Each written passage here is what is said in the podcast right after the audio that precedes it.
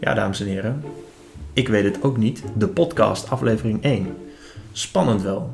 Maar ook weer niet zo spannend, want de eerste aflevering is met mijn collega Paul Bosma. Ik ken Paul van uh, het bedrijf waar we allebei werken, Changing Life, het moederbedrijf van onder andere Personal Body Plan. Um, en Paul Bosma heeft verstand van gedrag, voeding, training, herstel en coaching. En in deze podcast vraag ik hem specifiek naar zijn kennis over herstel. En nog specifieker over slaap. Um, dat vind ik persoonlijk heel erg interessant, omdat ik nog best wel veel moeite heb met mijn slaappatroon. Ik weet niet zo goed wat ik moet doen om goed uitgerust te zijn. Um, en ik denk dat Paul dat wel weet. Zoals gezegd is het mijn eerste podcast, dus wat betreft audio kan het misschien nog iets beter. Ik denk dat de volgende podcasts um, op dat gebied nog wel beter gaan worden. Qua inhoud ben ik wel heel erg tevreden. Ik heb best wel wat antwoorden gekregen op vragen die ik had. En vragen die ik doorkreeg van mensen via Twitter. En dan moet ik niet te stoer doen, want dat waren er maar twee. Maar ik heb ze wel allebei gevraagd. Veel plezier met luisteren. Heb je op- of aanmerkingen over deze podcast? Laat me dan eventjes weten via Twitter of zo. Mijn allereerste gast is Paul Bosma en ik ben heel blij dat hij er is, dus welkom. Paul, kun jij een kleine introductie over jezelf geven voor de mensen die jou nog niet kennen? Ja, bedankt Jan dat ik er mag zijn. Een uh, hele eer. Uh, eerste podcast, uh, top. ja, ik ben Paul Bosma, 33 jaar, woonachtig in Alkmaar, getrouwd. Um, twee konijntjes in huis rondlopen. Um, ja, in het, ik denk dat het leuk is om te vertellen dat ik in het verleden economie heb gestudeerd. later heb ik besloten om voeding en diëtetiek te gaan doen. dus een, zeg maar een carrière switch. Um, en vervolgens heb ik gezondheidswetenschappen gedaan en studeer ik nu evidence-based practice aan de UvA.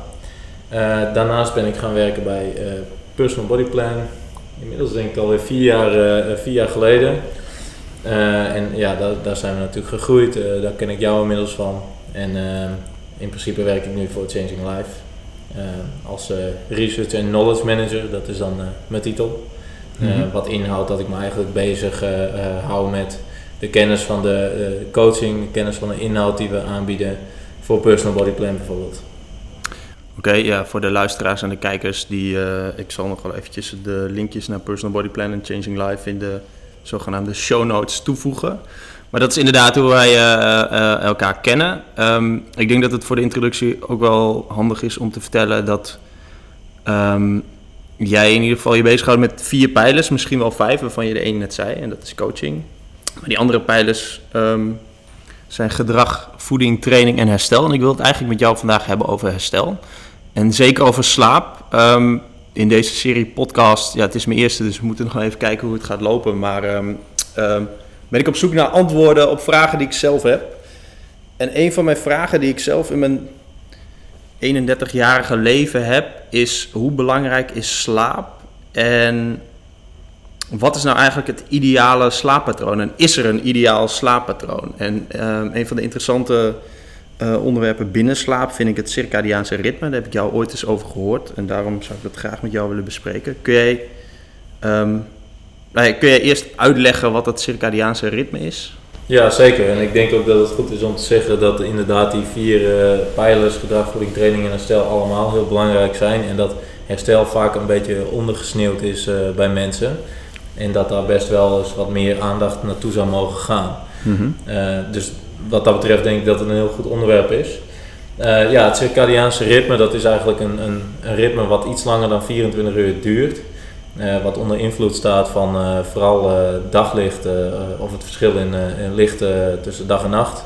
en je lichaamstemperatuur. Um, wat inhoudt dat je overdag wakker bent als het licht is en s'avonds slaapt als het donker is. Verschillende uh, hormonen volgen ook dat ritme. Zoals bijvoorbeeld uh, melatonine, wat, wat s'avonds piekt om je in slaap te krijgen. En cortisol, wat s ochtends piekt om je wakker te krijgen. Um, dus dat ritme, dat, dat, ja, dat ligt eigenlijk vast. daar kun je niet echt omheen. En dat is onder invloed van slaap en waken. wat dus onder invloed staat van dag en nachtlicht. Maar, maar wat bepaalt dat ritme? Je zegt het is ongeveer 24 uur. Wordt, zit dat ritme dan in uh, mensen, in organismen? En hoe, hoe, hoe werkt dat dan? Ik kan me voorstellen dat je inderdaad slaperig wordt als het donker wordt. Maar hoe werkt, kun je dat mechanisme dan uitleggen? Uh, ja, nee, dat, is, dat mechanisme ontstaat dus eigenlijk door dag- en, dag en nachtlicht te verschillen. Dat dus als jij uh, iemand opsluit in het donker, dan is het dus geen daglicht. Dan zal dat ritme ook gaan veranderen. Mm -hmm. Dus dan gaan die periodes langer duren. Ze hebben wel eens getest met iemand die zich dan in een grot ging opsluiten. En op een gegeven moment duurde was het niet meer 24 uur, maar was het volgens mij iets rond de 36 uur. En uh, sliep die persoon dus kortere periodes, vaker op een dag, omdat er gewoon geen daglicht was. Dus mm -hmm. het is, dat, is, dat is echt de grootste invloed uh, op dat, dat hele ritme. Dus, dus um, als je allemaal van die goed bedoelde adviezen krijgt over dat je je telefoon niet vlak voor het slapen moet gaan gebruiken, dan klopt dat waardig. Ja, ja, dat klopt zeker. Ik bedoel, met, met een telefoon is het zo dat het heel helder blauw licht, noemen ze dat, uitstraalt. En dat blauwe licht, dat kan je aanmaken van melatonine bijvoorbeeld remmen. En daardoor zou je minder goed in slaap kunnen komen.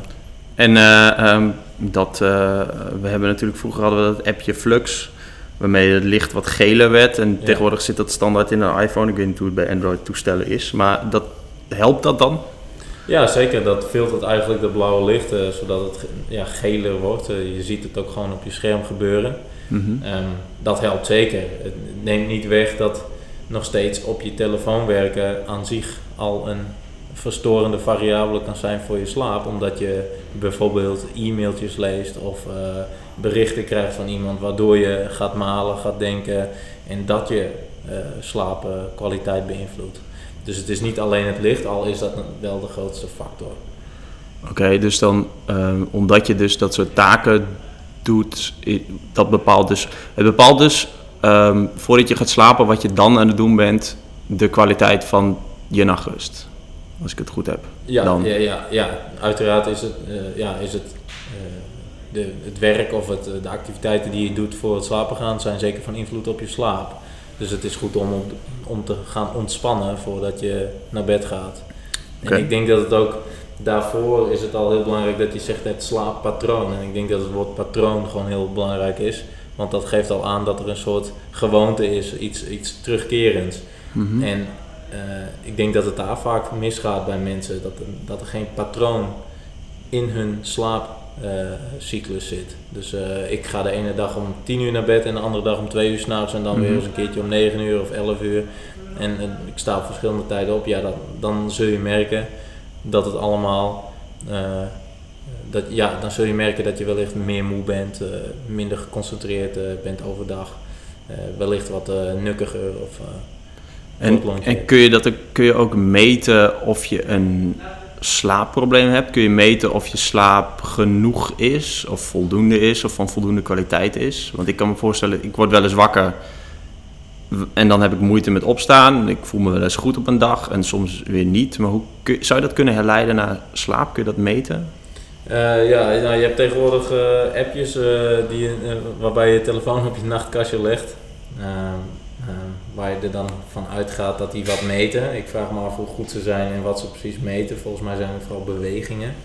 En dat zegt maar een deel van het verhaal over je slaapkwaliteit. Want als jij veel beweegt, betekent niet per definitie dat je slecht slaapt. Mm -hmm. Dus ik vraag me dan altijd af of, of dat werkt. Maar ja, je zou het bijvoorbeeld kunnen meten door een vragenlijst in te vullen uh, die dan gevalideerd is op slaapproblematiek. En waarbij je dan waarschijnlijk kijkt naar hoe vaak je per dag uh, slaperig bent, uh, hoe vaak je wellicht indut. Um, en dan denk je van ja, maar dat gebeurt vast niet. Maar er zijn mensen bijvoorbeeld die in de bioscoop in slaap vallen. Dat soort dingen, ja, dat is eigenlijk niet normaal. tussen aanhalingstekens normaal. Mm -hmm. um, in wezen zou dat niet hoeven. Al kan ik me wel voorstellen dat het in een hele donkere bioscoop en het is s'avonds laat dat je dan wel in, in slaap valt. Maar goed, laten we zeggen dat als je overdag uh, ja, aan, het, aan het indutten bent, dan, dan geeft dat wel iets aan. Ja. Al zal het met meerdere factoren te dus, maken hebben. Dus puur en alleen dat, dat, kijk, Sleep Cycle heb ik volgens mij ook 100 nachten gebruikt. En ja, het is een en geeft een mooie indicatie van je, van je remslaap en zo. Maar ik weet dus ook nooit wat dat betekent. Dus daar, kijk, voor de, voor de gemiddelde mens heeft dat dus niet zo heel veel zin om dat bij te gaan houden. Nou, ik heb het zelf ook eh, een tijdje gedaan en het, staat mij vooral tegen dat ik er stress van, van kreeg, van de getallen. Als het dan stond eh 79%, dan dacht ik shit, het is geen, niet boven de 90 wat ik voor Mhm. mezelf had bedacht als goed. Want ja, dat was ook maar een arbitraire grens die ik eh, mezelf had opgelegd. En dat, dat, dat klopt niet, terwijl, het, terwijl ik niet precies weet hoe ze het meten. En ik ga er een beetje van uit dat dat op beweging is. En ja, zoals ik zei, dat, dat is maar een deel van het verhaal. Eh, dus ja, wat heb je er precies aan die getallen als je er toch geen conclusies aan verbindt? En Nee, het, het, gaat, het gaat meer om hoe je je overdag voelt en, en doorgaans in het leven voelt. Want ja, daar slapen is eh één belangrijk onderdeel van bijvoorbeeld je vitaliteit, of hoe je het maar wil uitdrukken. Eh, ja, daar gaat het uiteindelijk om. En het doel, het doel is niet een percentage halen in een app en daar gaat het dan denk ik mis. Nee, inderdaad, dan mist, mist de, de context inderdaad. Ja, als ik op zoek ben naar ehm, ehm, het ideale slaappatroon, en dan voor mezelf, want ik kan me voorstellen dat het voor iedereen anders is, dan moet ik dus, dan is dat patroon, stap 1. dat is de eerste stap. Ja. Dus iedere dag op hetzelfde tijdstip waken en gaan slapen. Ja, ja, ik denk dat dat gewoon stap 1 moet zijn. Dus eh, proberen om ook in het weekend gewoon echt op dezelfde tijdstippen naar bed te gaan en op te staan. En in het begin zou je dat dus met een wekker moeten doen. Gek genoeg zou je dat ook met een wekker om het naar bed gaan te doen. Ja. Ehm, om vervolgens eh, op dezelfde tijd op te staan. En dan zou je eens kunnen kijken of dat uit zichzelf zo, zo gaat. Ik heb dat zelf ook ge- geprobeerd. En eh, ja, goed, dat zegt natuurlijk heel weinig. Maar ik merk wel dat ik nu wakker kan worden zonder de wekker. Op het tijdstip waarop ik wakker eh, wilde worden. Mhm. En eh, ik slaap bijvoorbeeld van rond 10 uur tot rond 7 uur. Mhm. Nou, dat kwart voor 7. En zo, ja, dat, dat gaat me redelijk goed af. Maar zet je dan nog steeds twee wekkers? S'avonds en s ochtends? Eh, nee, ik zet s'avonds geen, geen wekker meer. Ik, ik, ik, probeer echt rond 10 uur naar bed te gaan. En ja, de ene keer is dat iets later. En dat, ja, hoe, hoe verder die tijd eigenlijk verwijderd is, hoe minder ideaal het wordt. Dus Mhm. eh, vijf minuten of 10 minuten, weet je, dat zal eh, geen verschil maken. Maar eh, eh, in plaats van 10 uur om 11 uur, dan merk ik het wel de volgende dag. ja. En ehm, Vind je dat dan erg? nou, dat vind ik op die dag zelf wel vervelend, ja. Dan denk ik van, joh, eh, weet je, nou, vooral als ik bijvoorbeeld blijf hangen voor de televisie of zo, dat, dat had niet gehoeven, dat is zonde. Nee, het is heb blauw licht natuurlijk. Ja, of zit er ook nou, zo'n filter op je tv? Nee, ja, ik weet hoe. in, in het verleden was het niet zo dat die televisie, daar zit je best wel ver vandaan, dat dat minder invloed had volgens mij. Oh ja. Maar ja, tegenwoordig heb je natuurlijk eh, hele felle schermen. Ik, ik denk eigenlijk dat het wel steeds meer effect gaat hebben. Gewoon ook omdat de schermfelheid erg be- eh, verbetert. Ja. Ehm, Kijk, zo'n oude televisie van vroeger, ja, daar, daar had je echt geen... eh, een kleine geen, met eh, zo'n bol scherm. Ja, maar zo'n hele grote unit eh, van 102 centimeter of 104 centimeter aan je plafond of aan je muur, ja. Dat gaat wel. eh, wel Heb je hem op je slaapkamer? Nee, ik heb hem niet een televisie op mijn slaapkamer. Oké. Hey, maar ehm, ehm, ik wilde eigenlijk een bruggetje maken. Want je hebt ooit een keer hier eh, bij Changing Life, waar we trouwens nu zitten, een presentatie gegeven over een boek wat je hebt gelezen. Dat ging over slaapsystemen. En dat vond ik ook tering interessant dat jij dat toen benoemde. Omdat op de een of andere manier zie ik altijd nu matrassen startups om in mijn timeline voorbij komen op Instagram en Facebook. Tegenwoordig maakt iedereen matrassen die zogenaamd goed voor je zijn. En toevallig heb ik er ook eentje ehm, sinds kort van eh, Refresh, die ik aan het testen ben. Ik heb nog geen eh, uitslag. Ehm, maar jij zei toen, ehm, ik weet niet meer welk boek je hebt gelezen, maar jij zei toen, eh, je slaapsysteem is eigenlijk waar je op moet letten. En dat systeem bestaat uit meerdere dingen. Ja, Toch? Klopt inderdaad. Ik zie toevallig ook, ik zie dat ook in mijn tijdlijn voorbij komen. Simba volgens mij. En ze hebben ook allemaal korte namen. Ja, het is allemaal hip en het, tof. Het ziet er allemaal leuk uit. Ja. Ja. Ja. Het feit is dat, eh, dat je slaapsysteem inderdaad bestaat uit eh lattenbodem, matras en eventueel eh, toplaag op die matras. Wat Mhm. je wel bij die Scandinavische systemen ziet. Ehm, ja, en in eerste instantie is het heel belangrijk om een goed slaapsysteem te hebben voor je rug. Je ruggenwervels die hebben rust nodig in de nacht, dus die nemen vocht op in de nacht. Daarom Mhm. ben je ochtends ook iets langer dan overdag. Overdag sta je, staat die zwaartekracht als het ware op je, op je rug. Ja. Eh, op je ruggenwervels en word je naarmate de dag voordat steeds iets kleiner. Het verschil zal niet zo groot zijn. Maar 's s'nachts nemen die eh, kussentjes tussen je ruggenwervels dus vocht op. En dat is heel belangrijk voor het herstel van je rug. Eh, aangezien heel veel mensen klachten hebben, onderrugklachten en dergelijke, zou dat daar wel mee te maken kunnen hebben. En is dus het investeren in een goed slaap, slaapsysteem wel van belang. Dus een goede lattenbodem, matras en eventueel toplaag. Dat kan ook gewoon lattenbodem en matras zijn. En daar heb je heel veel verschillende keuzes in. Mm Zul je te maken hebben met uh, hoe ver een matras inveert, op welke punten die inveert. Uh, en daar, dat, dat is vrij individueel, want de ene persoon heeft bijvoorbeeld meer uitstekende schouders dan iemand anders. Dus die zal wat verder met zijn schouders in de matras moeten zakken. Want dat moet ook, want anders lig je krom. Ja, want anders ligt die ruggenwervel dus niet uh, recht. Mhm. Als je dat van, als je iemand op zijn zij zou zien liggen, dan zou je het liefst willen dat die hele ruggenwervel recht ligt.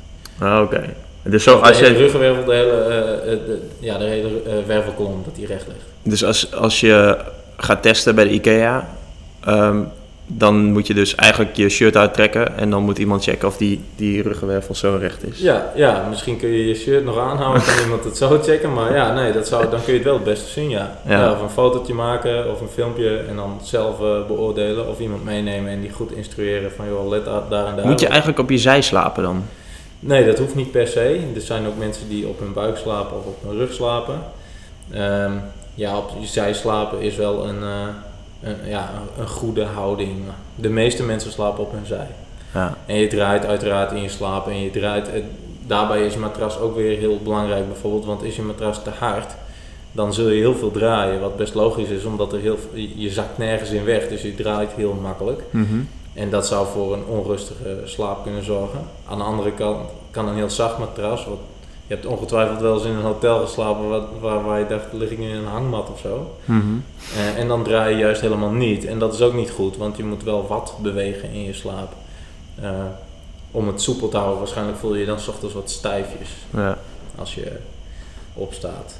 Oké, dus het is eigenlijk best wel moeilijk. Ja, en het is niet zo dat een duur matras. Nou ja, het is moeilijk. Ja, je zult wel met dingen rekening moeten houden. En tegenwoordig is het zo dat je wel. Uh, meer uh, dingen kunt laten testen. Dus dat je naar een slaapcentrum gaat en je laat uh, testen waar jouw drukpunten precies zitten en welke matras of, en lattenbodem daar dan bij zouden passen. Ik denk dat dat wel een mooie ontwikkeling is. En dat hoeft niet per se een, een duur matras te zijn.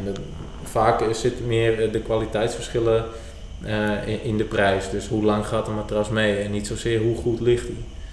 Dus een matras bij de IKEA zou prima kunnen zijn. -hmm. Um, en je kunt ook een matras van uh, ja, een van die gerenommeerde merken kopen, maar dan ben je drie, vier keer zoveel kwijt. Ja. Als hij drie, vier keer zoveel lang meegaat, is dat leuk, maar anders is dat niet nodig. Dus dan moet je eigenlijk zorgen, zorgen voor een soort van garantie of die afdwingen als je dat zo nodig wil hebben. Ja, misschien wel. Ja. Vaak wordt het ook wel gegeven dat je dus, uh, volgens mij is uh, Tempoer, uh, is dat ook 20 jaar garantie of zo. Okay. Ik weet niet precies die getallen, maar... Hey, maar en, en dat, je zegt het slaapsysteem is dus een lattenbodem, een matras en eventueel een toplaag. Maar hoort daar niet ook dan het... Boxspring, ja. Een, een, um, je dekbed bij en je kussen en je, je kamer zelf en allerlei andere... Ja, zeker, zeker. Dat is ook weer van invloed. Dan, dan ga je dus meer kijken naar slaap in zijn algemeenheid. Uh, dus je slaapkamertemperatuur die uh, zal dus ergens tussen de 16 en de 18 graden idealiter moeten zijn. Zo koud. Ja, dat is wel vrij fris inderdaad. Uh, daarom uh, is het ook lastig als jij slaapt in je woonkamer. Want ja. dan zul je het dus ergens moeten afkoelen. Of als het zomer is en uh, je hebt een plat dak op een zoldertje of, en, en, het is daar gewoon 25 graden, ja, dan zul je waarschijnlijk wel minder goede nachtrust hebben. Um, maar dat is, ja, dat is idealiter. Ergens rond die temperatuur, luchtvochtigheid volgens mij rond de 60 procent. Dat is ook nog iets om op te letten, dus niet te droog, uh, niet te vochtig. Um, en ja, geluiden, omgevingsgeluiden. Woon je naast een uh, hele drukke weg, uh, ja, dan kan dat je slaap eventueel verstoren. En zou je dus kunnen overwegen om met oordopjes te werken als het echt heel, heel veel lawaai is. Nou ik, kijk, ik, ik woon dus in Amsterdam in een straat met vet veel studenten die door de week feestjes geven. En ik hoor dat wel, maar ik weet niet of ik er last van heb. Maar is het, is het dan ook zo dat, dat je, ook al denk je dat je er geen last van hebt, je er toch last van hebt? Ja, misschien wel, ja. ja. dat zou ik niet definitief eh, durven zeggen, maar ja. Ik merk het wel bijvoorbeeld als ik op reis ben en ergens slaap waar het gewoon heel rustig is, dan, merk, dan heb ik wel opeens het besef van wow, het is wel echt heel rustig hier. En dat helpt dan ook nog als het heel erg donker is. In tegenstelling tot mijn huis in Amsterdam, waar gewoon straatlicht in mijn kamer schijnt. Ja, ja licht is natuurlijk, hè, dat, dat gaf, ik, gaf ik net al aan, het staat onder uh, invloed van licht. En ja, dus ook als het heel licht is in je kamer, ja, dan kan het best zijn dat je daardoor minder goed slaapt. Ja. En ja, kijk, ik zou ervan uitgaan dat als jouw gevoel aangeeft, joh, ik ben uitgeslapen, dan is het prima. Maar als je last hebt van, als je al, zelf al merkt, ik heb last, dan zijn dat dingen die je zou kunnen verbeteren. Ik denk dat je het op die manier moet infietsen en niet bang moet zijn of zo van, oeh, dan slaap ik slecht, want dan ga je dat waarschijnlijk een uh, nocebo-effect aan kloppen, uh, uh, koppelen, dat je dan juist slecht gaat slapen. Wat, maar oké, nocebo-effect. Ja, dat je dus iets bedenkt wat eventueel gevaarlijk voor je zou zijn en dan wordt het daadwerkelijk gevaarlijk voor je. Dus je bent ergens bang voor een beetje tegenovergestelde van een placebo. Ja. Dat je denkt dat iets werkt en dat het daadwerkelijk werkt. Zo kun je ook iets, iets negatiefs uh, infietsen en dan gaat het ook daadwerkelijk een negatieve uitwerking hebben. Wow, dat het bestaat. Ja. Vet. Hey, ik, heb een, uh, uh, ik ben veel op reis in het vliegtuig. Dan slaap ik natuurlijk heel erg kloten, rechtop en, en het is gewoon helemaal kloten. Ja. En dat is ook nog een, een jetlag. Nou, ik hoef je niet te vragen of dat goed voor je is of slecht voor je. Maar wat ik wel wil weten is of je, en dan heb ik het niet specifiek of, over tijdzoneverschillen. Maar bijvoorbeeld als je een feestje hebt gehad of door wat voor omstandigheden dan ook. Bijvoorbeeld je hebt een, een kind wat de hele nacht loopt te janken. Kun je slaap inhalen? Ja, je bouwt ergens wel een slaapschuld op als je dus meerdere dagen slecht slaapt, minder goed slaapt.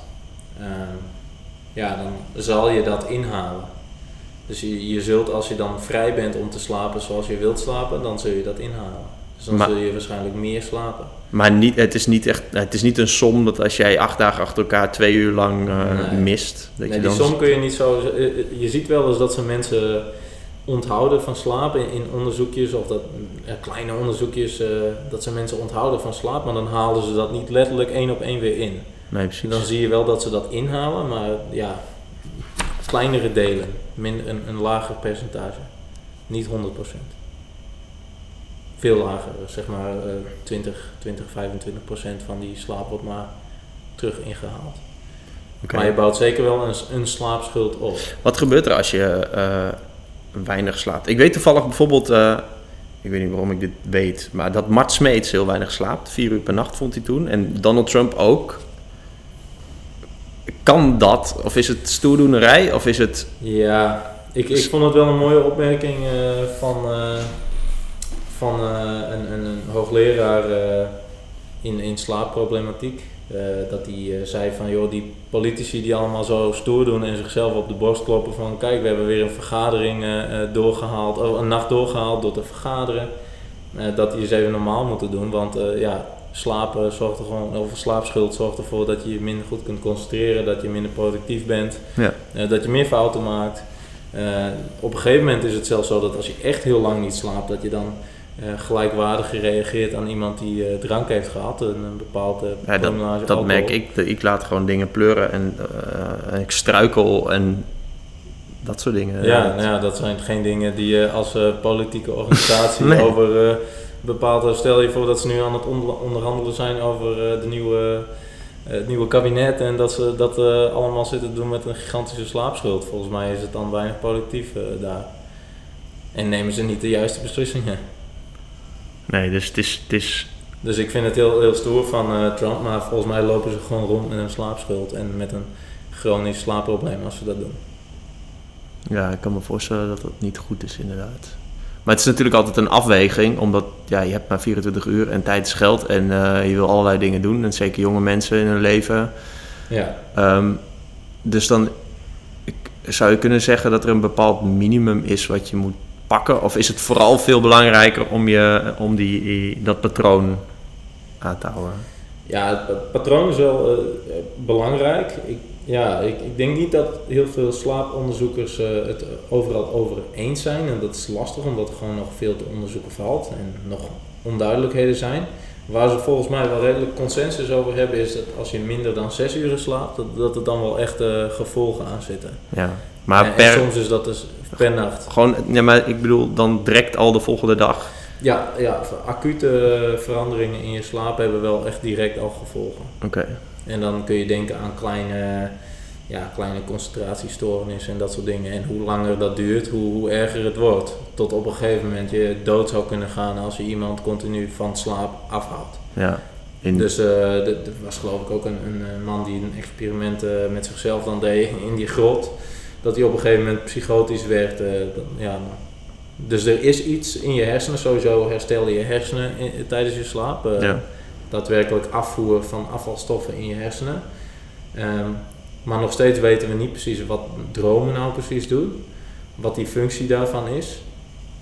Ehm, maar ongetwijfeld zal dat gewoon een belangrijke functie hebben. En als je dus eh, ziet dat als mensen lang uit hun slaap worden gehouden, gehouden vo- vooral uit hun remslaap waarin die dromen plaatsvinden, en die rapid eye movement, Mhm. waarin je ogen snel eh, bewegen, ja. dat is wa- wanneer dromen plaatsvinden. Als je daar mensen uithoudt, dan zie je dat ze dat als eerste gaan inhalen. Dus dat die slaap eh, stijgt. Die, Die remslaap, In ja. die remslaap die stijgt. Want je hebt verschillende slaapcycli binnen, binnen de nacht. Mhm. Ehm, en eh, waaronder bijvoorbeeld diepe slaap en remslaap. En dat wordt dan wel ingehaald. Dus dat heeft een belangrijke functie. Alleen Maar- weten ze niet precies waarom. Maar wellicht zou dat dus zo, zo ver kunnen zijn dat als je jezelf daarvan onthoudt, dat je dan psychotisch eh, Ja. daardoor wordt. En dan, dan wordt het wel serieus. Maar goed, dan praten we wel echt over hele lange da- dagen, zeg maar. Wellicht. Ja, het lijkt me ook wel lastig weken, om dat, om dat te onderzoeken.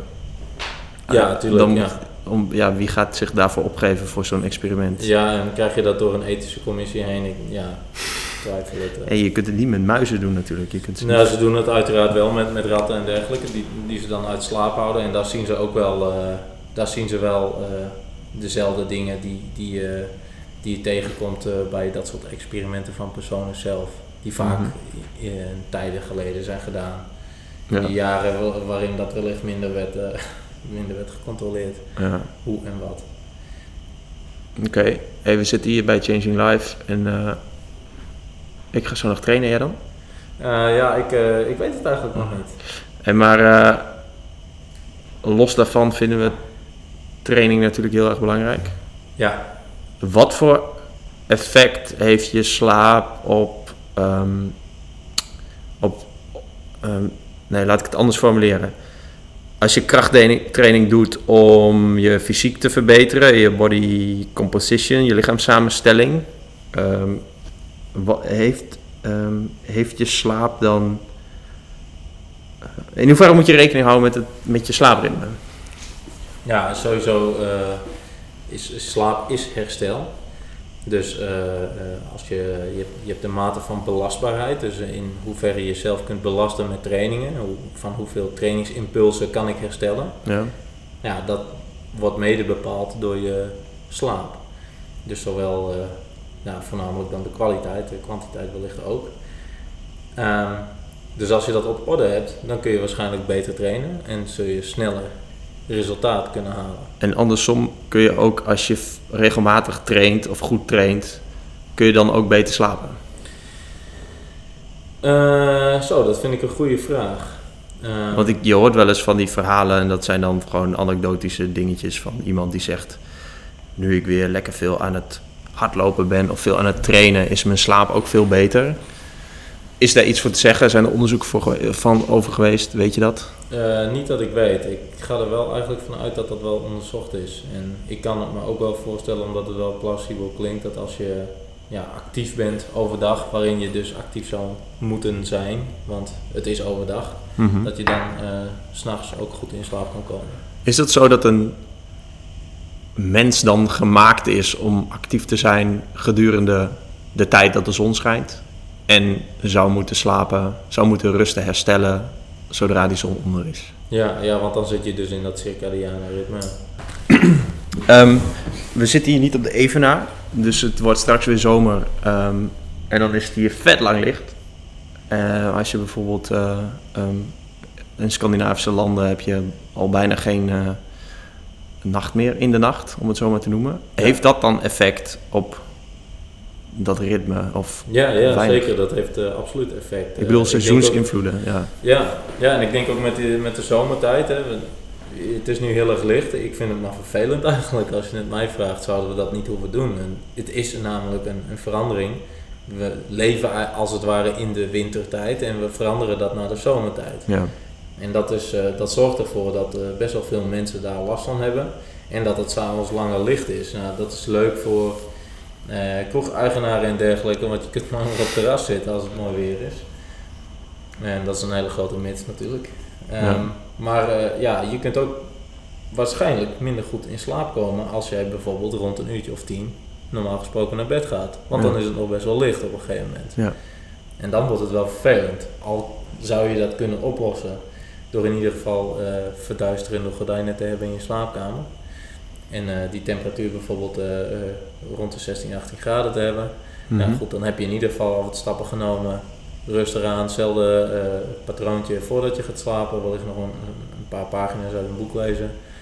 Nou, dan, dan heb je dat wel redelijk gedekt. Maar goed, het, ja, het hoeft niet. wat mij betreft zou het gewoon wintertijd mogen blijven. Oké, Maar dus ik denk dat je dat ook te goed terugziet bij eh, mensen die in ploegendiensten, in nachtdiensten werken. Want die hebben natuurlijk voornamelijk last van eh, verschuivingen ja, eh, in hun werkritme, wat gevolgen heeft voor hun slaap. Dus ik ga werken als het donker is en ik moet slapen overdag. ja, En dat vormt wel een probleem.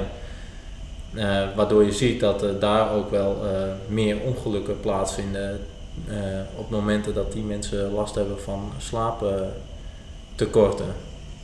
Of eh, zitten in, in, eh, eh, op momenten dat ze dus s ochtends vroeg een hele nacht door hebben gehaald en daarvoor niet hebben geslapen, ja, dan wordt het allemaal al minder concentratie. Oké, maar zou je, dan, zou je dan eigenlijk... Kijk, die ploegendiensten, ik heb er zelf ook in mijn studententijd ingewerkt. En dat roleerde inderdaad. Zou, dat roleren, zou je dat roleren dan niet moeten doen? Nee, ja, zoals ik het heb begrepen is het, is het verstandig om dan eh, in ieder geval met de klok mee te roteren. Omdat het dus eigenlijk je, je circadiane ritme is eigenlijk iets meer dan 24 uur. En Ja, dan kun je het beste mee meedraaien. Dus dan werk je eerst een ochtenddienst, vervolgens een late dienst en daarna een nachtdienst. ja, Dus dan draai je eigenlijk mee. Dat is beter dan tegen de klok indraaien. ja. Ehm, ja, en dan zul je aan lichtmanagement moeten doen. Dus manage je eh, eh, expositie aan licht. Dus overdag, als jij wil slapen, dan zul je echt met donkere gordijnen moeten werken. Weinig geluid. Overdag is er gewoon meer lawaai eh, Mhm. in de omgeving. Dus wellicht oordoppen. Ehm, om op die manier wel je eh, slaap te pakken en te simuleren alsof het, alsof het nacht is. En je ziet dat melatonine zich dan best wel kan, kan aanpassen daaraan. Maar het heeft wel wat ehm, moeite nodig. Of investering. Ja, je zult er wel wat voor moeten doen, want eh, ja, je moet natuurlijk s'nachts ook wakker zijn terwijl het donker is. En dan zou je dus eigenlijk het liefst willen dat je wel wat aan licht wordt blootgesteld. Ja, En dat is denk ik eh, lastig, maar je hebt daar wel eh, lichten voor. Ja, je, je zou ook achter je laptop kunnen gaan zitten. Maar kijk, Ja, misschien doen die is, mensen eh, dat s'nachts wel. Want je hebt natuurlijk ja. ook toevallig... ehm, ik had over dit onderwerp op Twitter wat gesprekken met mensen. Of tenminste, ik deed wat tweets en mensen deden wat tweets. Het was niet echt een gesprek. Maar er zijn natuurlijk ook mensen die zeggen... Ja, maar ik ben s'avonds veel productiever. Is het dan... Liegen zij? Nee, je hebt wel de, chronotypen, de, de, ochtend- en avondmensen, ja, die bestaan wel. Ik, ik zie daar verschillende cijfers over. En in het laatste onderzoek van eh, Kerkhoff kwam er voor dat eh, ongeveer 7% ochtendmens is en 10% avondmens. Oh, ik zie dat je het hebt opgeschreven. Ja, dat heb ik ja. even genoteerd. En, want ik kwam ergens anders 20% ochtendmens, 20% avondmens tegen en de rest ligt daar dan dus tussen. Ja. Ja, ik weet niet eh, eh, wat dan waar is. Eh, de, de meerderheid ligt er in ieder geval tussen. Eh, en eh, als je ochtendmens bent, dan is het lastiger om in nachtdienst te gaan werken. Oké. Kijk, als je avondmens bent, dan zal dat dus wel makkelijker zijn. Ja. Daarnaast is het heel erg individueel. Dus eh, sommige personen passen zich gewoon heel makkelijk aan aan de situatie en aan verschillen in slaaptijden. Ja. ja, die mensen die zullen waarschijnlijk ook gewoon beter renderen bij eh, nachtdiensten. Eh, bij vliegreizen door tijdzones en, en, en slaapverschuivingen. Ja, dat, eh, ja, daar kun je natuurlijk niet zoveel aan veranderen wat voor eh, Dus type dan, je bent. dus dan is het ook nog heel erg persoons... Ja, dan denk ik dat ik een avondmens ben. Hoewel ik ook wel weer hou, eh, van hou om lekker te gaan slapen. Ja, je kunt dat eh, wel, wel testen. Dat is eh, wanneer je naar bed gaat. Ja, die ja, die tijden zijn te testen. Ik weet niet precies meer, ik weet op dit moment precies niet meer. Misschien dat komen we daar in een andere podcast over. Ja, daar zouden we wellicht nog op terug kunnen komen. Is- maar je kunt dat wel, wel testen. Is er een beste... Is er een, een optimaal tijdstip om ehm, te trainen? Als je het hebt over krachttraining. Eh, nou, wat, wat je in ieder geval eh, ziet is dat je eh, temperatuur daalt in de avond richting de nacht, waarin het het dieptepunt bereikt. En die temperatuursdaling in de nacht is best wel belangrijk voor de kwaliteit van je slaap. Oké. Waarom zeg ik dat? Als je zou gaan trainen vlak voor het slapen gaan, dan is die temperatuurstijging door het trainen nog aanwezig en zou je dus moeilijk kunnen slapen. Ah, oké. Eh, je hoort vaak mensen die dan ja, voor het eh, slapen gaan trainen, dat lukt me niet goed. Nou, dat zou wellicht daardoor kunnen komen. Afgezien daarvan kun je dus zeggen, eh, dit is het circadiane ritme en daar zitten bepaalde hormoonfluctuaties die redelijk overeenkomen voor de meeste mensen in het circadiane ritme. Dus dat is ongeveer gelijk. Dan zou het dus zo kunnen zijn dat je, als je kijkt naar bloeddruk, eh, als je kijkt naar temperatuur, dan zou je dus het beste eh, tussen zeg maar 12 en, en, en 6, 7 uur eh, kunnen trainen. Mhm. Ehm, en ja, wat... maar de wel een grote kanttekening daarbij is dat je dus wel ook moet doen wat bij je dagelijkse ritme past, wat bij je persoon past. Sommige mensen trainen nou eenmaal graag in de ochtend, ja dan moet je dat niet per se daarom veranderen. Nee, maar het is wel een goed argument voor mensen die. S- Er zijn, ik kan me voorstellen dat er heel veel mensen zijn die denken dat ochtends trainen eh, Beter is. beter is of moet of weet ik veel wat. En dat ze daar best wel wat moeite mee hebben. Die hebben dus een goed argument om te zeggen van volgens dat circadiaanse ritme ja, als je die, als kan dat zo- beter in de middag. Ja, als je die theorie zo zou eh, volgen, dan zou je zeggen, oké, dan kun je beter in de middag trainen. Maar niemand is gemiddeld natuurlijk. Nee, en het is gewoon ja, afhankelijk van wat ik zei, die variabelen, wat je voorkeur is, wat uitkomt. Dus dan, ik kreeg nog een vraag op Twitter, want ik zei dat ik met jou ging spreken over slapen. En toen vroeg Samuel, wat is nu de beste kunstmatige manier om te gaan slapen, die, nog, die niet zo ongezond is? Maar ik denk dat we die vraag niet eens kunnen beantwoorden, omdat we niet weten wat Samuel zijn ritme en voorkeuren zijn dan. Nee, precies. En ik denk dan dat hij doelt op, dus ja, dat lichtmanagement wat ik net zei, zoals voor eh, ploegendienstwerkers. eh, dan, ja, dan zul je jezelf dus moeten blootstellen aan licht. Je hebt wel licht, eh, lampen die dat kunnen. Die met een, Ja, of juist, ik denk dat die juist de vraag van hem is hoe je in slaap kunt komen. Ja. maar ik weet dat het een gamer is, dus misschien... eh, Ja, dan zou hij dus ach- achter zijn scherm vandaan moeten duiken. ja, of dat, In een donkere kamer. Maar dus zo'n, zo'n, zo'n eh, ja, ik noem het dat een slabbetje zo voor je ogen wat je in het vliegtuig krijgt, dat helpt dus wel. Ja, zeker zo'n slaapmasker maakt het gewoon meteen donker. Ja, Kijk, de reden dat je dat niet eh, overdag of, of iedere dag zou kunnen doen, dat je dus ochtends ook wakker wil worden. En dat Ja. komt mede door de blootstelling aan dus licht in de ochtend. Hey, maar, dat, maar als je verduisterende gordijnen hebt, dan is het dus, wordt het dus niet licht. Of moet je dan met je Philips Hue lights die instellen dat ze zo laten eh, gaan Dat- schijnen? Dat zou, dat zou top wezen, ja. Dat je dan toch door wat licht wordt gewekt, ja. Of op de Evenaar wonen en alleen maar in de buitenlucht slapen. Ja, Dat is, dat kun je natuurlijk ook als doel hebben. maar ik, oh ja, ik, ik, Dan ben je in Scandinavië redelijk screwed. Ja, maar ik las dus. En dit krijgen we weer zo'n stomme anekdote. Ik las een artikel, een nieuwsartikel, nee, over een groep mensen die slaapproblemen hadden van allerlei soorten, van, van allerlei aard. Die dan inderdaad dat experiment ondergingen. Dat zij eh, in de buitenlucht gingen slapen, verstoken van eh, mobiele applicaties en eh, schermen en zo. Dat zij allemaal gingen slapen zodra het zon onderging om 7 uur. Volgens mij was het in Schotland een keer ergens in de, in de, in de lente. En wakker werden als de zon opkwam. Dus ja, het is anekdotisch bewijs, maar het, het, het klinkt wel aardig, toch? Ja, daar zit natuurlijk best wel wat in. eh, zeker als je kijkt naar, eh, naar die verschuivingen in dag- en nachtlicht en de invloed op het circadiane ritme. Ja, dan is dat gewoon wel logisch. Ehm, maar ja, je, je gaat natuurlijk niet opeens buiten, buiten liggen slapen. En dat moet, dat moet maar Nee, mogelijk zijn. Nee, ik bedoel meer dat we, dat we of, moeten, of gaan we dan te veel een soort nostalgische gedachten creëren over vroeger. Ik dacht meer van ja, als we, als we iets moeten kijken wat we als model kunnen gebruiken, moeten we dan naar eh, de Maasai op, in Kenia kijken, waar eh, ik weet niet hoe zij slapen, maar nee, dat zou Dat ik het. ook niet weten.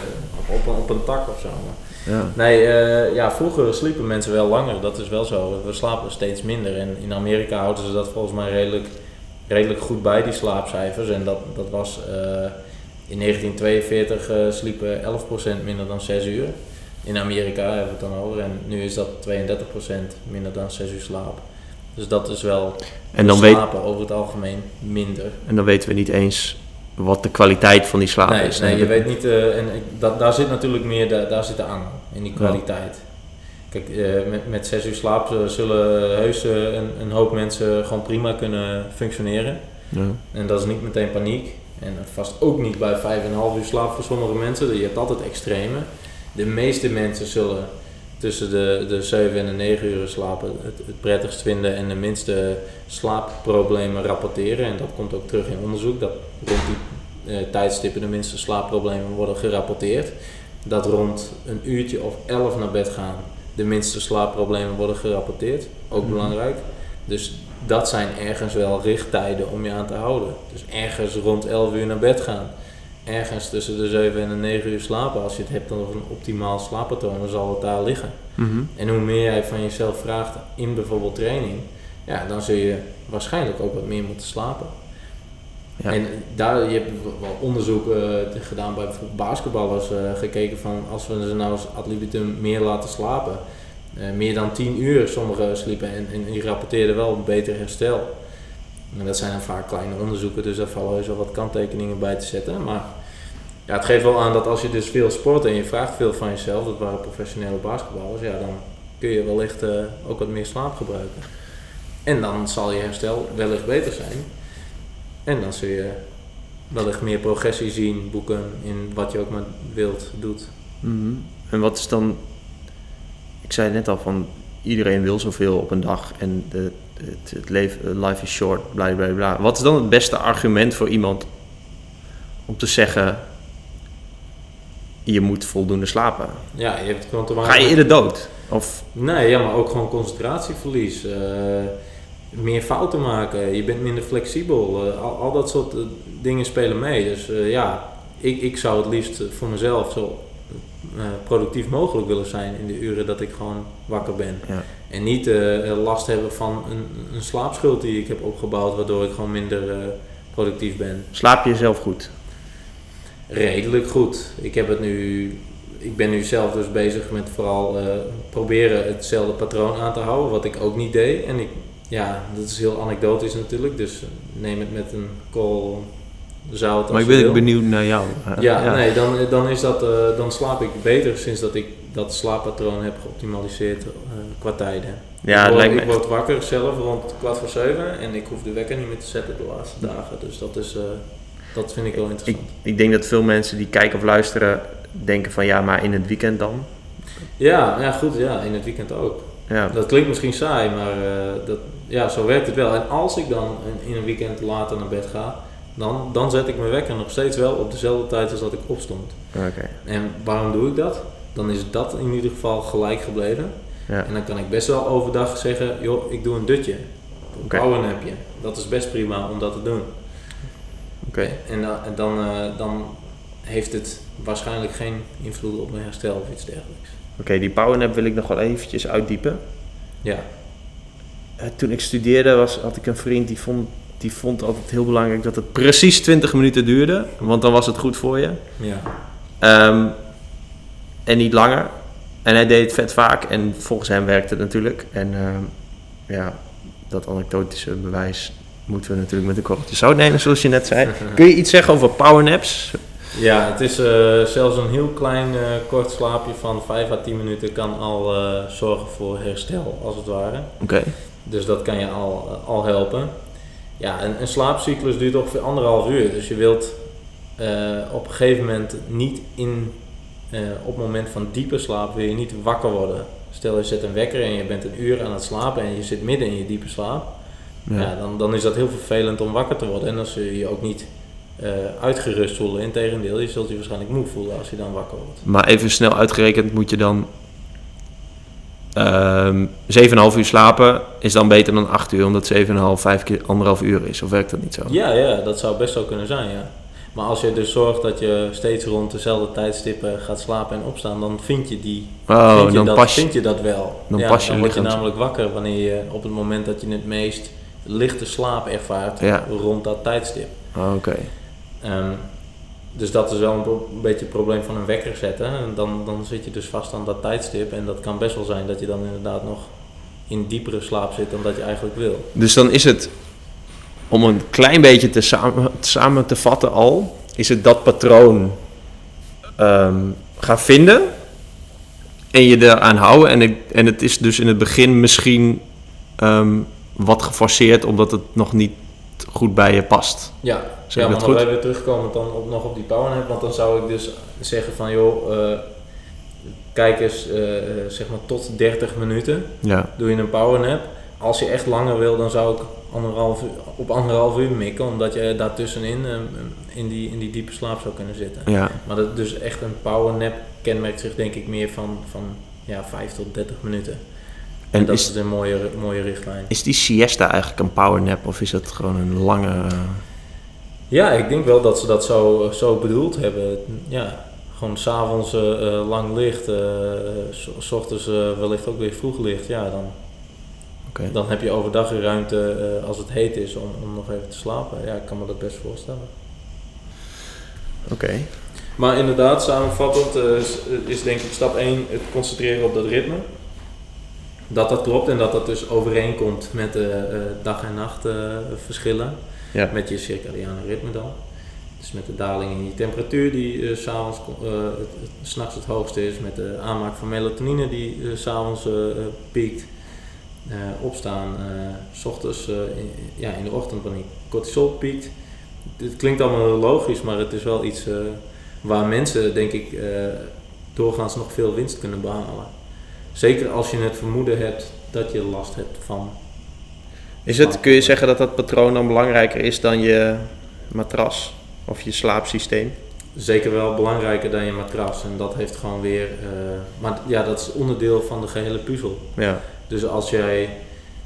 Maar het is ik, ik vind het dan handiger om te kijken waar kun je de grootste winst, mee winst- halen. ja, ja, dan denk ik dat het gewoon het, het patroon zelf, dus de regelmaat, daar haal je de meeste winst.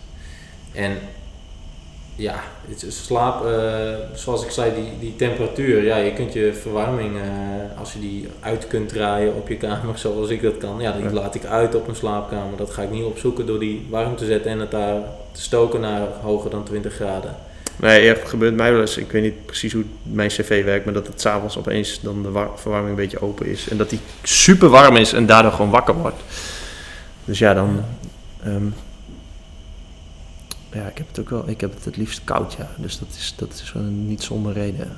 Nee, nee, nee, nee, je temperatuur is gewoon het laagst. En dan heb je dus inderdaad, oh je zei natuurlijk ook nog dekbed, dat heeft er ook mee te maken. Hoeveel eh, vocht kan dat opvangen, want je verliest gewoon vocht, je zweet. eh, hoeveel eh, lucht laat het als het ware door? Is, is het een luchtige deken? Ja, hoe zwaar ligt die? Al dat soort dingen hebben er wel mee te maken. Maar is er één, is er één beste deken dan? Als, of, of verschilt dat per persoon? Of moet die sowieso vocht en lucht doorlaten en, Nee, en niet zwaar zijn? Nou, je, nee, dat hoeft niet per se. Je hebt, je hebt gewoon verschillende stoffen. En, en ja, dons is bijvoorbeeld wel een hele mooie isolerende, niet te warm, niet te koud eh, eh, materiaal. Wat, dus een donse dekbed, ja, dan, dan zit je wel redelijk goed. Er zijn synthetische varianten daarvan die ook prima werken. Alleen weet ik ook niet precies meer wel- welke varianten dat zijn. En dat is als je daarin wil verdiepen, ja, daar zouden we nog eens een keer een podcast over kunnen doen. eh, Ja. eh, want dat is gewoon een onderwerp aan zich.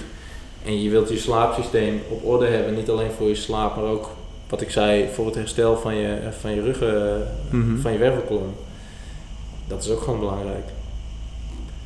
Want dat heeft namelijk invloed op eventuele klachten aan je wervelkolom. En zeker als je traint, waar in dat daglicht bekijk ik natuurlijk heel veel dingen, Mhm. ja, dan wil je dat gewoon op orde hebben.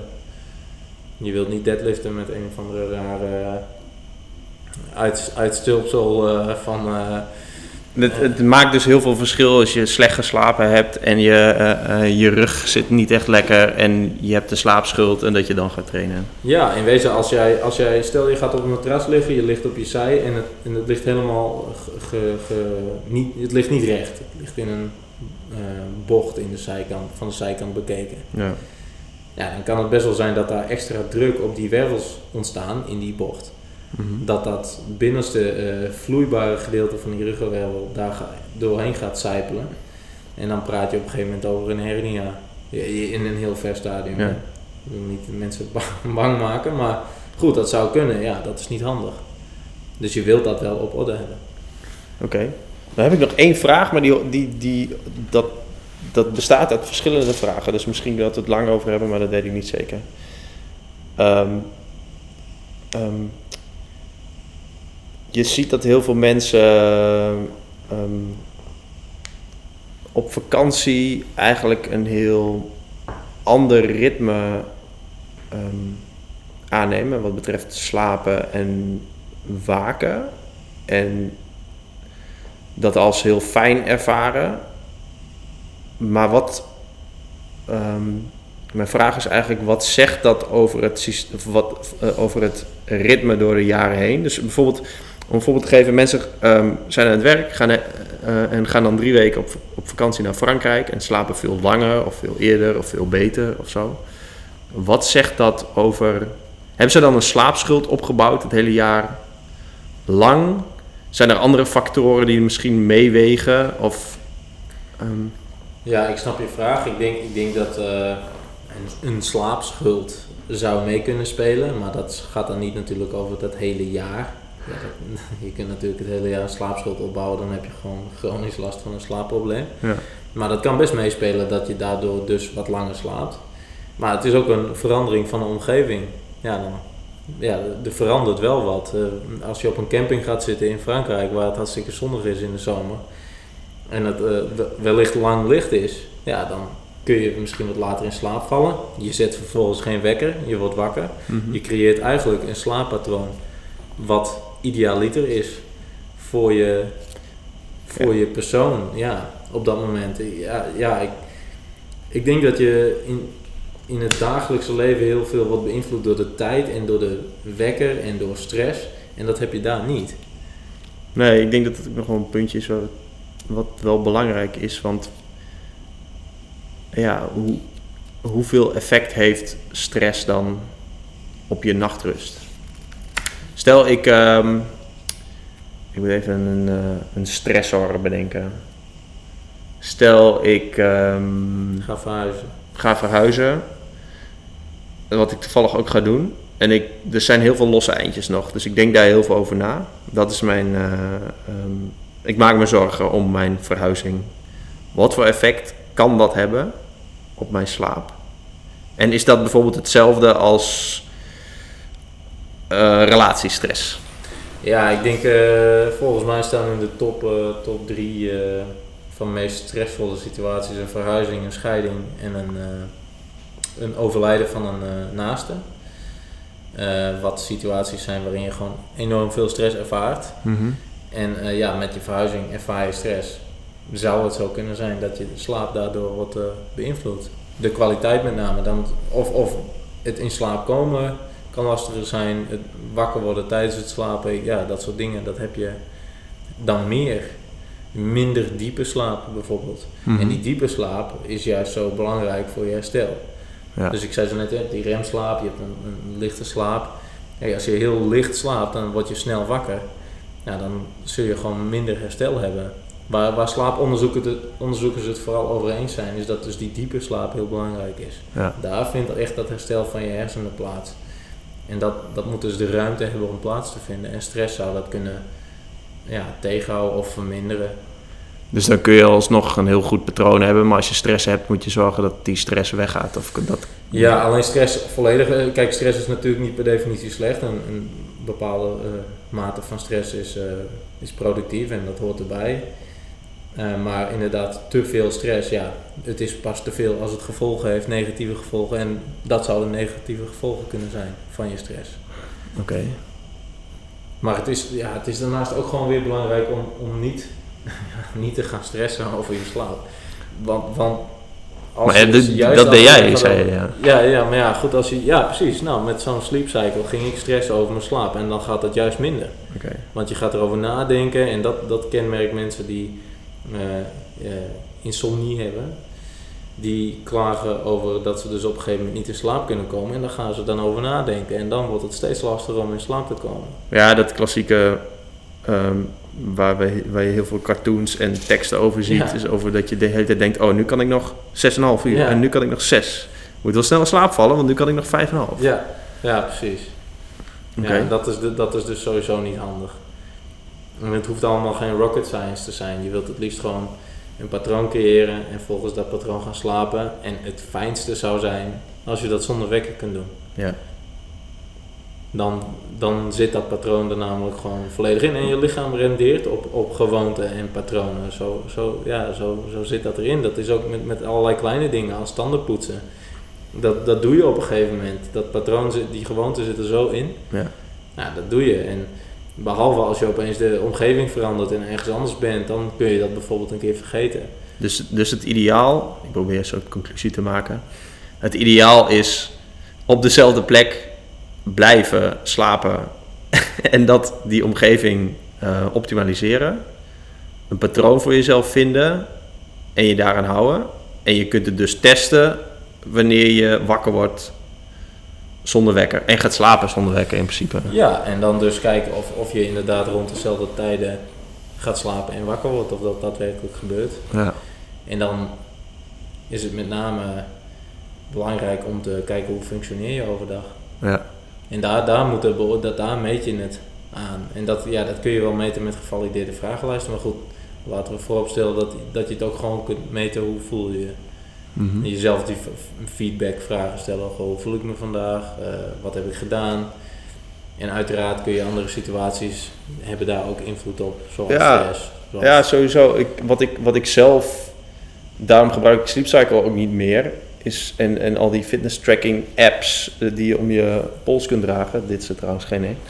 Ehm, ja, die geven dus data waar, waar je bijvoorbeeld jij stress van krijgt. Zonder dat Ja. je weet, zonder dat je bij jezelf vraagt van oké, maar hoe voel ik me hieronder? Of wat vind ik zelf? En dat is, dat is wel echt mijn laatste vraag. Die sluit erop aan. Ehm, wat voor effect heeft eh, je voedselinname op slaap en eigenlijk eh, andersom. Ja, voedselopname is echt ook weer een. Dat, daar zouden we ook wel eh, lang over kunnen praten. Je hebt natuurlijk cafeïne, eh, wat in koffie, cola, chocola, et cetera zit. En dat heeft gewoon een hele grote invloed op je slaap. Je wordt eh, alert van cafeïne. Dus is het niet handig om dat vlak voor het slapen gaan te nemen. Er zit zelfs een flinke tijd voordat dat je lichaam heeft verlaten. Eh, volgens mij is dat echt wel minstens eh, zes, zes uren. Dus ja, voor, voor de koffiedrinkers eh, onder ons, eh, waar ik zelf ook een van ben, ik, ik hou van een bakje koffie. Ik koop zelf gewoon cafeïnevrije eh, bonen. En daar vallen heus wel goede cafeïnevrije bonen te halen. Mhm. Dus dat is. Oh nee, je hebt een favoriet hè? Misschien dat ik het linkje nog wel even kan toevoegen. Ja, ik heb wel een, een favoriet, ja. ja. ja dat, kan ik, dat linkje kan ik toevoegen. Ehm, Ja, nee, dat zijn gewoon En- goede, lekkere bonen. En net zoals trainen eh, voor, vlak voor het slapen is, eh, wat doet een maaltijd eten voor, vlak voordat je gaat slapen? Ja, mensen. eh, ja, je merkt wel dat mensen als ze een koolhydraatrijke maaltijd eten, dat ze dan rapporteren mensen wel dat ze beter kunnen slapen. Ja. Daardoor dat ze wat doezelig worden en daardoor kunnen slapen. Bij eiwitrijke maaltijden, puur eiwitrijke maaltijden, eh, kun je, zou je wat actiever kunnen worden. Ja, ik, ik, ik weet niet. Ik denk dat dat vooral voorkeur eh, geniet, persoonlijke voorkeur. Ik heb geen problemen met eten voor het slapen gaan. Dus eh, ja, ik eet wel voor het slapen gaan. En best wel een grote maaltijden ook. Mede omdat ik vaak rond het avonduur train. Dus eh, rond 6 uur. Eh, en daarna wil ik gewoon nog wel veel eten. Mhm. Dus eh, eet ik veel voor het slapen gaan. En ja, ik heb niet het idee dat dat eh, invloed heeft. Maar ik let dus wel op dat ik niet eh, een, een hele eh, donkere chocoladereep in zijn geheel eh, op zit te eten. Wat vol cafeïne zit, waardoor ik niet kan slapen. Ja, Daar let ik ah, gewoon wel op. natuurlijk En- ook in chocolade. Mensen drinken tegenwoordig koffie alsof het limonade is en dat is allemaal prima, maar dan moet het geen cafeïne bevatten. Ja. En ja, als je kijkt naar de alertheid die ontstaat door cafeïne, dan zou je dat dus juist gebruiken bij iemand die in nachtdienst werkt en s'nachts moet werken en wakker moet zijn. Ja. Ja. die zou je wel kunnen helpen met wat cafeïne. En, en helpen er ook stoffen ehm, om in slaap te komen? Ja, melatonine bijvoorbeeld, dat kun je ook in, eh, in, in supplementvorm Maar is dat, is dat ehm, aan te raden? Ik denk in, alleen in situaties waarin je dus heel erg wisselt van, van slaappatroon. Volgens mij is het zo dat je al best snel eh, gehecht kunt raken aan die eh, hoeveelheid melatonine die je binnenkrijgt. Ja. Eh, dus zou ik daar niet te veel mee gaan uh, ouwehoeren. Maar als jij gaat vliegen en je verandert van tijdzone en dergelijke, ja, god, dan zou het interessant kunnen zijn om melatonine te nemen om op dat moment je slaapritme weer op te pakken. En je, en het, je ziet dat het lichaam de eh, aanmaak van melatonine dan ook vervroegt. Als je Ja. dat zelf eerder neemt dan dat het oorspronkelijk zou zijn. Eh, dus dat, dat is interessant. Dat zou in die situaties kunnen. Oké. Ik denk dat we er wel zijn. Ik denk dat ik mijn conclusies Ja. ga noteren. En weet je wat, gaan we gewoon over drie maanden weer afspreken en dan weten we of ik, eh, of ik mijn slaap heb verbeterd. Ja, dan ga jij eh, proberen om eh, op dezelfde tijdstippen te gaan slapen. Ik denk voor jou Dan ga ik zelf rapporteren. Hè? Toch? Wat is er, wat, ehm, heb je zelf nog een experiment waar je nu mee bezig bent? Ben- Wil je ergens achterkomen? Ben je iets aan het doen? Ben je ergens voor aan het trainen? Nee, niet... niet ja, heb je nog wel een doel in je leven, Paul? Ik, ik heb zeker nog wel doelen in mijn leven. Ja, eigenlijk wat er nu een heel groot doel voor mij gaat zijn is... Noors leren. no- ja, dat heb ik net eh, de eerste periode afgerond deze week. En Dus, geslaagd. eh, ja, geslaagd niet echt, niet getest. Niet getest, jammer genoeg. Oké, maar dat maakt dus niet uit. Ja, dat maakt niet uit. eh, dat, ik heb eh, nu niveau 1 eh, gehaald en eh, ik zal nog wel aardig wat niveautjes moeten doorlopen voordat ik een beetje eh, gesprekken in het Noors kan volgen. Maar dat vind ik een hele mooie skill om te leren.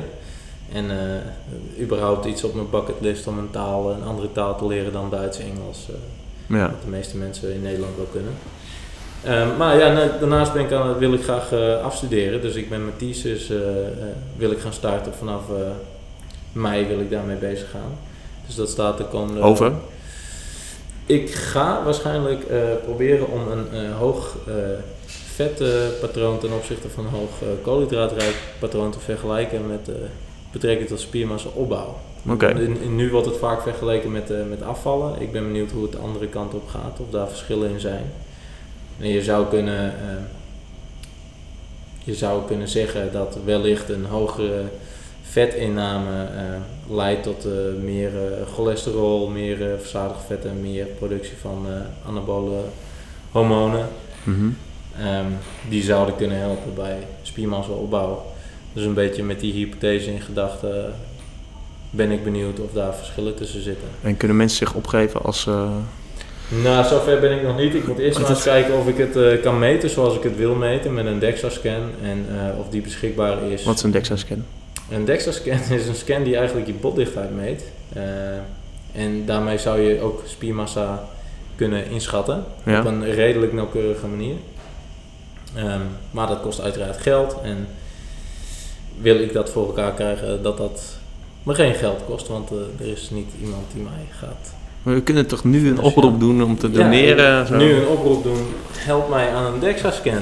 Oké. Ik wil minstens Maar kun je die- 45 mensen DEXA scannen Oké. een Maar hoeveel geld heb je daarvoor nodig? Ja, volgens mij kost zo'n eh, scan eh, richting de, eh, of rond de 100 euro of zo per, per, per, Per keer. scan. En je wilt twee keer scannen, namelijk op baseline, op een, nul, een nulmeting. En Ja. Uiteindelijk na de trial, die dan wellicht bijvoorbeeld 12 weken duurt. 9000 euro. Toch? Ja, Ja. Nou, dat is eh, vrij heftig als het... eh, Nou, misschien is er iemand die er belang bij heeft dat jij dat onderzoek doet. En dan wordt jouw onderzoek dus gefund en dan gaan allemaal mensen zeggen van nee, maar Paul Bosma deed onderzoek en dat is dus gefund door in dit geval. ja. Ik weet niet, ik denk dat er wel partijen belang bij hebben bij een vetrijk voedingspatroon. Ja, Ja. het is natuurlijk maar de vraag. Ik, ik verwacht eerlijk gezegd niet dat, er, dat, dat, dat, er, eh, dat je meteen hele grote verschillen zult zien. Maar ook dat is interessant. Als er geen verschillen zijn, dan zijn er geen verschillen. Dat, Nee. dat is ook weer een, een stukje van de puzzel. Ja. Kijk, bij, bij vetverbranding zie je die verschillen niet. Eh, dus kun je moeilijk zeggen low carb of, of low fat of high carb, high fat, hoe je het maar wil aanvliegen, is beter dan eh, de, de een dan de andere. Zeker als je isocalorisch en met dezelfde hoeveelheid en eiwitten kijkt. Daar gaat het vaak mis in onderzoeken die wel iets anders concluderen. Is Ja. dat ze dus eiwitten niet eh, gelijk hebben gehouden, de inname aan eiwitten, wat dan dus een confounder is. Oké. Maar eh, ja, dus die teasers die staat op het programma. en Noors aan het einde van het jaar ga ik weer verder. Uiteraard wil ik hier bij CL, bij PWP, mijn, eh, mijn ei kwijt. Dus daar staan nog heel veel leuke eh, ontwikkelingen op het programma. Oké. Top. Heb je een Noorse afsluiter? Kun je bedankt voor het luisteren zeggen? Of bedankt voor het kijken? Want de camera, volgens mij staat deze camera, ja, die staat nog wel aan. Wel Tak. weer aan. Tak voor OC. Dat was het bedankt voor het kijken. Ja, ik denk het wel ongeveer. Oké, dan zijn we er. Eerste podcast van eh, Ik weet het ook niet. Of misschien heet hij wel Ik weet het ook niet hoor. Dat moet ik nog even bedenken. Eh, vanuit eh, het hoofdkantoor van Changing Life met Paul Bosma. Paul, bedankt. Heel erg bedankt. Ik hoop dat de luisteraars er wat aan hebben gehad. Ik denk het wel. Ik zeker, dus we komen er zeker op terug. Zullen we drie maanden afspreken? Ja, ik denk dat het een onderwerp is waar we nog wel eens op eh, door kunnen gaan. En volgens mij eh, ehm, roept het eh, ook nog wel veel meer vragen op. Omdat slaap natuurlijk iets is wat je niet los kunt zien van andere dingen. Ja, en daardoor word je wellicht wat ongenuanceerd, word, word ik wat ongenuanceerd soms.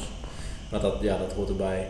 Je kunt niet alles in één keer helemaal zo uitdiepen. Nee, als mensen vragen hebben, dan hoor ik ze graag. Pakken we dat de volgende keer op. Oké, thanks en tot de volgende keer.